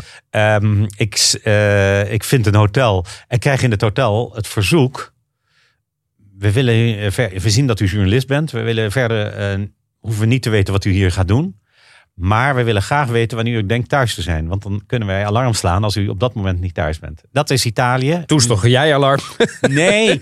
Nee, Ah, was je nee. daar niet eh, zenuwachtig van? Nou ja, wel een beetje, maar niet, niet, eh, niet overdreven, maar ik vond het wel curieus. Ja. En dan kom je dus door een stad die eigenlijk, daar werd een haven gebouwd. Mhm. Is een, of wel zou een overslaghaven moeten worden, revolutionair voor Europa, met heel veel Europees geld, maar ook met heel veel internationaal geld. Ehm, waardoor dus eh, containers konden overgeschakeld worden op de route zeg maar, van eh, eh, Gibraltar of de, de Atlantische Oceaan, zeg Ja. maar, naar, naar Van west naar oost. Ja, en dan hoeven ze niet helemaal naar Genua toe. Ja, ja. Dus dat, dat je moet je niet de hele inham Precies. in en dan weer naar beneden. Nou, Wat heel logisch klinkt, hè? Ja, en dat was natuurlijk een, fantastisch project. En Ja. het hele project Maar laat is maar tot op de dag van vandaag is, bleef in handen van, van de Drangheta. En het is nu zelfs zo dat het een afgesloten haven is. En niet alleen met kippengaas afgesloten, maar je moet dus douanes heb je om daar überhaupt een container weg te kunnen doen. Maar de Drangheta... La, laat maar raden, het is geen florerende haven. nee. Nee. Maar eh, dat, is, dat is nog maar 30 jaar geleden. Hè? Ja, ja. En dat Italië, dat, dat, eh, waar we steeds meer van snappen van hoe dat ondergronds ging. Nou, eh, eh, steden als Locri, Crotone. ehm, eh, en dat zijn wel guilty pleasures van me om naartoe te gaan. Maar het zijn wel steden waar de Malavita, dat, je, dat ruik je. Je hoeft er als toerist overigens niet erg Nee, bang voor te zijn nee. om te weten. Heel veel mensen denken dan dat ze daar komen, dat ze dat dan, dat ze een soort in een film terechtkomen. Nee, jullie komen, je komt gewoon in een hele normale stad. Het heeft een plein, het heeft een bar. Ja. En als achterloze bezoeker, zeker als je daar kort bent, een paar uur, merk je daar helemaal niets van. Zou je daar een week gaan logeren? Zou je daar mensen kennen? Dan merk je al dingen. hè? Ja, je, hebt het ook- een keer verteld van die, die, die, dat je in, in op Sicilië met sigaretten Ja, ja, zeker. Want ik, ik sliep op een kamer en vervolgens viel mij op dat die man, een wat oudere man, daar iedere dag. En vervolgens kwam ik beneden aan de ontbijt. Of ik zeg maar, eh uh, liocchie. Ja. Ah, eh, hij arresti domiciliari. Ja. Hij is huisarrest. Ah, wat heeft hij dan gedaan? Ja, wat denk je? Dat is gewoon een mafioso. En dan kom je, maar weet je, maar dat, zelfs dat is natuurlijk ook nog niet heel veel. Dus het is niet dat je dan. En mensen denken dan van eh, dat ze ergens steekpenning of zo moeten betalen om iets te doen. Dat is de maffia al. Dat is de Nee. maffia niet, jongens. Dat is gewoon. Dat zou gewoon corrupte Nee, nee. politiek zijn in een, in een Noord-Afrikaans land. De maffia is vele malen. eh, hoe zeg je dat? Sophisticated. eh, Ja, ontwikkeld en ja. tentakels die en gaan voor het grote geld. Toeristen zijn helemaal niet belangrijk. Maar ze gaan voor, waar jij het over hebt, grote infrastructurele projecten, dat soort dingen. Daar zitten ze vuistdiep in. Maar dat legt natuurlijk wel een hele regio en, en ook een half land lam, toch? Dit. Nou ja, daar gaat er veel geld in om. En dan gaat veel geld verloren. Nou ja, Ja, jullie hebben het over ja. de infrastructuur van internet gehad. Ja. En eh, Meloni krijgt het ook niet voor elkaar. Nee. Dus- Nee, en daar zit heel veel, daar zit weer Europees geld in. Hè? Want Ja. heel veel van de European Recovery Fund, Ja. daar moet dit van gebeuren. Ja. En waarom, wordt, waarom lukt het dan niet om? Hè? Want als je puur kijkt, ik heb met Stefan de Vries, uit Italië, eh, uit Frankrijk correspondent en Europa correspondent op dit moment, heb ik een aflevering gemaakt over Frankrijk en. Italië. Wat Frankrijk soms wel beter lijkt te kunnen doen, Il Sole 24 Ore, de Italiaanse zakenkrant, had daar onlangs ook een artikel over, is toch de noodzakelijke. Hè? Die kwamen in die PISA-score heel laag tevoorschijn, te laag voor hun. Meteen alle kranten publiceren erover. En de regering maakt meteen een noodplan. in Italië gebeuren dat soort dingen niet. Het wordt niet eens besproken. En dan denk ik, hoe kan het nou toch- zijn dat het. Die politiek lijkt wel gevangen in hun, in hun alledaagse eh, eh, bubbel. En wij hebben het in Nederland wel eens over die Haagse kaastop. Nou, Ja. we hebben in Rome de Romeinse kaastop. Die is nog vele malen groter. Nee, dat, dat is ook zo. Dat is ook zo. En eh, ik werd ooit gevraagd om correspondent in Italië te worden. Eh, en toen zei ik, dan wordt standplaats wordt Milaan. Want eh, er gebeurt toch niks in Rome. Maar dat werd niet geaccepteerd. Nee, want dat is, Rome is natuurlijk wel Rome. Ja, ja. Ook door het Vaticaan. Maar, ehm, ja ook een beetje natuurlijk. Ja. Maar dat, dat, dat, dat alleen al van. eh, er gebeurt zoveel in Rome. Dat ben ik wel met je eens. Maar eigenlijk gebeurt er helemaal niks. Want het is passief. Het, afspraken komen niet, worden niet nagekomen. En dan komt er iets als een COVID. Eh, waardoor een heel land eigenlijk een, een check-up krijgt. ja. Eh, en dan, dan zie je opeens de, de eh, intensive care in eh Crotone, eh, de intensive care op Sicilië, in, in Syracuse. En dan blijkt dat er helemaal niets van die intensive care is, waar heel veel geld in gepompt is. Maar dat is in, in achterzakken gebleven. En dat is het imago wat we liever niet hebben van Italië. Nee, maar, maar daarom is die vooruitgang er nog altijd niet. dat is het. En dat is eh, met Noord-Italië. Dat, dat Noord-Italië is wat dat betreft een echte Europeeser ehm, geworden. Maar ook daar heeft, eh, hebben die tentakels al zoveel macht gehad. Dat je dus heel veel problemen krijgt, in het, eh, ook in het noorden. Wat ik wel leuk vond, want je noemde het die krant, de 24, uh, Sole 24 Ore. Die hebben natuurlijk elk jaar die ranking. Ja. En eh, die vond ik wel leuk om even te benoemen in deze podcast. Dan gaat het over de meest leefbare... De le- meest leefbare, leefbare stad, allemaal stad. categorieën. Maar de stad Udine, die we eigenlijk alleen maar van het voetbal kennen, Ja. is uitgeroepen tot de stad van het jaar. Dat in dus- Friuli, ja, in het uiterste noordoosten van. Italië, grenzend bijna aan, eh, aan Slovenië. Eigenlijk al een beetje Oostenrijks. zeg maar, goed. maar Bologna is dan de, de tweede. Oh, en jouw geliefde Trento, Trento. op de derde plaats. Maar dan, dan zie je, als je die lijst ziet, ja, dat, dat, eh, dat dan, ja, daar zit, in de top 10 zitten geen, nog altijd geen Zuid-Italiaanse steden. En dat, dat zegt zegt eigenlijk al dat? voldoende. En Napels, ondanks de Scudetto, op de 105e plaats van de 107 steden. Hè? Ja. Dus maar dat is, dat, dat is niet zo verbazingwekkend voor de mensen die die stad kennen. Want het is natuurlijk een land, een, het is een stad van, van, van, van twee uitersten. Hè. Het, is, Ja. het heeft ook een enorme elite. En het heeft ook een, want het is een oude, bedoel, er staan koninklijke paleizen. Ja, er staat nee. van alles. Het is cultureel ook een fantastische stad. Laten we Napels ook Nee. niet. Maar het heeft ook i Bassifondi. Het heeft ook de, de, de, de, de, de, bij halve no-go areas. En dus ja, dat is, dat is Napels. Dus dat, kijk, dat het niet de meest leefbare stad is. Ja, dat, dat is maar, nou ja, om toch Nee, even...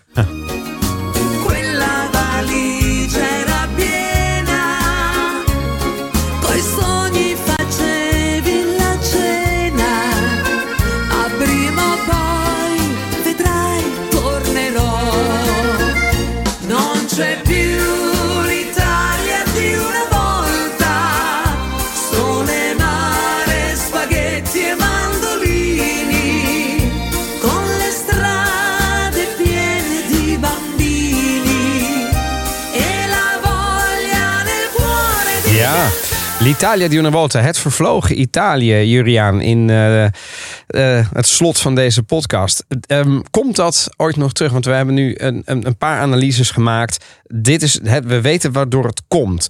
We weten eigenlijk ook wat er zou moeten gebeuren om veel dingen er wel weer bovenop te krijgen. Namelijk hervormingen, waar we het in deze podcast ook heel vaak over hebben gehad. En die komen om allerlei redenen, soms door criminaliteit, soms door politieke schandalen, of soms gewoon door politieke onwil, maar niet van de grond.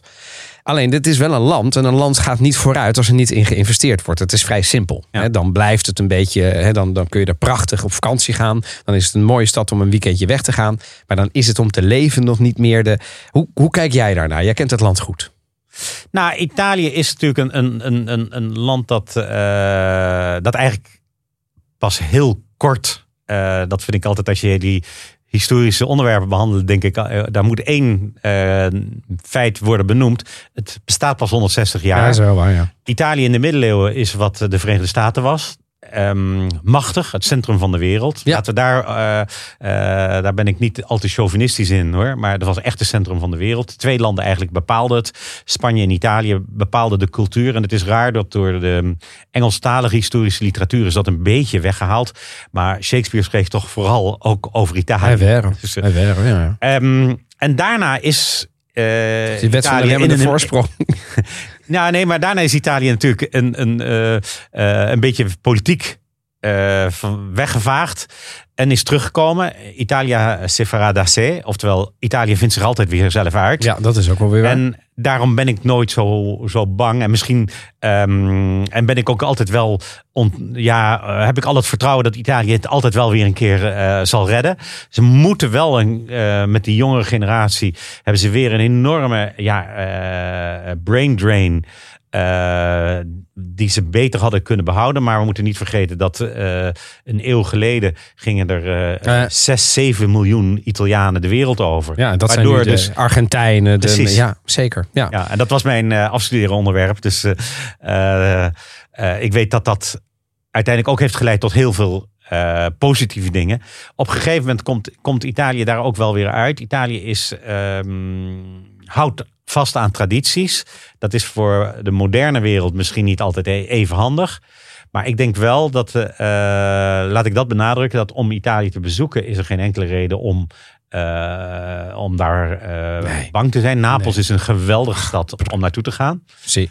En zoals nou, maar er zijn heel veel, weet je wel, dat, Ja. we, we zijn hier niet van het verkeersbureau, Nee, nee, maar, nee, nee, maar bedoel, super- nee. ja, La Superba, eh, eh, we- er zijn zoveel, dus daar Ah, ja, hoeven we het- ons het niet is- van te weerhouden natuurlijk. Ja, er zijn zoveel verschillende eh, aspecten van Italië. Eh, ik ben natuurlijk als historicus werk ik eigenlijk met verdeelde landen. Dus je had Toscane is al een hele andere Eh. cultuur dan Venetië. Eh, en nou, Genua. Tur- Turijn, wat eigenlijk eh, de basis legde voor, Koning, ja, voor Italië. Je had met Stefan de Vries, dat vond ik wel leuk. Jullie benoemden één ding niet. Ita- Frankrijk heeft Italië gemaakt. Het land is een eenheid geworden dankzij Lodewijk Napoleon. Oh, Die zijn toestemming gaf. Dus niet de, de andere Napoleon dan waar we het nu veel over hebben. De, de, de, eh, de achterneef. Maar het is wel, eh, die heeft met Cavour eindelijk voor eenheid gezorgd. Op de, de sporen die de oude Napoleon dan had achtergelaten. Met eenheidsstaten. En toen is die rare Garibaldi erbij gekomen om het noorden te betrekken bij het zuiden. Ja. Maar eh, Dat is trouwens nog een mooie podcast waard. Cavour. Want wat die heeft betekend voor, eh, voor Italië. En eh, heel veel Piazza Cavour eh, komen we niet voor niks tegen. Ja. Eh, een onbekende eh, persoon in Nederland. Ja. Maar Cavour is ongelooflijk belangrijk voor de unificatie gebleken. Ja, dat, is, dat is nou, een mooie tip daarvan. Mhm. Maar je als ik het zou platslaan, Jurjen, je beschouwt het ook een beetje ook wel als een econoom. Namelijk met conjuncturen. En we zitten nu niet in de beste conjunctuur van Italië.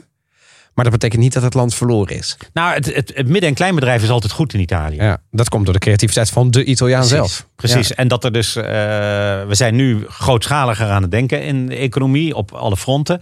En daar zijn Italië waarschijnlijk toch, Italianen misschien minder gevoelig voor. Maar Italië heeft er wel, eh, eh, heeft soms problemen eh, waarvan je denkt, jeetje, daar moet je toch niet aan denken dat het ons overkomt. Eh, als wij een brug eruit hebben, is de hele infrastructuur is in Nederland ligt al plat. Hebben- Maar ik heb dus die Ponte Morandi. eh, ja. dat, dat, dat blijft natuurlijk een trauma voor Ja. heel veel Italianen. Zeker omdat Italia, Italië is gebouwd, laat ik daarmee besluiten. Italië is gebouwd in de 19e eeuw als een bijna onmogelijk land, omdat het ook echt bijna geen vlak land heeft. Dus de hele infrastructuur die is aangelegd met tunnels, met, met eh, Viaducten. viaducten. Ehm, en dat, dat, dat, daar waren Italianen heel goed in. En toen ze hadden bewezen dat ze het in Zwitserland konden, hebben ze gedacht: Nou, dat kunnen wij eh, beter. Dan maken we het voor ons land allemaal mooier. En Italië is natuurlijk altijd met heel veel franje, met heel veel. ehm, ja, alles, alles is clamoroso in Italië als er iets wordt ontwikkeld. Ever. En, en ehm, eh, ik wil, ik, ehm, hoe heet die, die Sardijnse ehm, eh, internetprovider? Die, die, Tiscali. ja, nou, dat was ook zo'n. Waar Italië vier stappen voor lag Ja. op andere landen. Www.tiscali.it. Ja, het bestaat nog wel. Ja. Ja. Maar het is een beetje zoals Olivetti, weet je. Het is, Ja. je, je, je, uiteindelijk, er worden heel veel goede ideeën. Eh, Of heel veel goede plannen, maar uiteindelijk moet je ook, hè, en dat is ook met een bedrijf, je kunt als start-up, maar om een scale-up te worden, ja, dan moet je, die, die- dan moet je dat dal door. En, en, en, en ja, en, en, en dat kost geld en soms ook een beetje geluk. Eh Tiskila was er al he- heel vroeg bij. Ja. Maar zij, ze zijn nu niet doorgedrongen tot de top van. Nee. Dat had wel gekund. Nee, nou ja, ze hadden Dus daarom weer zijn. terug naar die Pierre Silvio. Ja. Misschien heeft hij dan toch wel een beetje gelijk als hij zegt: Weet je, we moeten ook trots zijn dat we niet altijd worden overgenomen. Dat wij degene zijn die dat doen. En, en, en soms ook een beetje trotser op wat er wel goed gaat in Italië. Want dat is er wel. Maar daar, daar, daar is natuurlijk ook heel veel kritiek op. Hè? Ja. Op, de, op die vieze commerciële zenders. Ja, nee, dat is. eh, en zeker vanuit Nederland, eh, dat begrijp ik ook wel. Eh, ja. Maar ook in Italië hoor. niet iedereen kijkt meer al die zenders. En dan, En nou, want de wereld is ook aan het veranderen. Ja. Ik ga jou bedanken, Juriaan, voor eh, jouw aanwezigheid in deze podcast. Voor jouw eh, eh, mooie anekdotes en jouw, jouw visie op Italië. Het is nog niet verloren, dus dat is, dat is, dat is mooi om te horen. jullie kunnen doorgaan. Dus dat is fijn. Ehm, ik zeg nog eventjes dat de winactie van de Cucina Povera, het boek van Roberta Pagné van vorige afzending, die gaan we nog een week doen. Dus je kunt een exemplaar winnen. We gaan er in totaal drie mogen we er weggeven van Roberta en haar uitgeverij Cucina Povera. En de vraag is, waar komt Roberta vandaan in Italië? Roots dus aan moederszijde. Geef dat aan via italiapodcast.gmail.com. En volgende week in de ultrakorte, maar wel aanwezige kerstaflevering, ook eventjes met eh, Evelien eh, daarbij, eh, geven we drie exemplaren weg van deze boeken. En wil je nog meer afleveringen van de Italië podcast luisteren, dan eh, vind je ons natuurlijk in, de favori in je favoriete podcastplayer. Abonneer je direct als je dat nog niet gedaan heeft. Spread the word en vooral geef ons 5 sterren op Spotify of op Apple Podcast, want dat eh, helpt ons enorm. Wil je adverteren? Adverteren at eh, dagennachtmedia.nl. En tot de volgende week, dat is dan woensdag 20 december, vlak voor kerst, met wat mooie verwijzingen naar oudere afleveringen. En zoals ik al zei, nog een gesprek met Eveline Redmeijer. Alla prossima settimana. Ciao, ciao.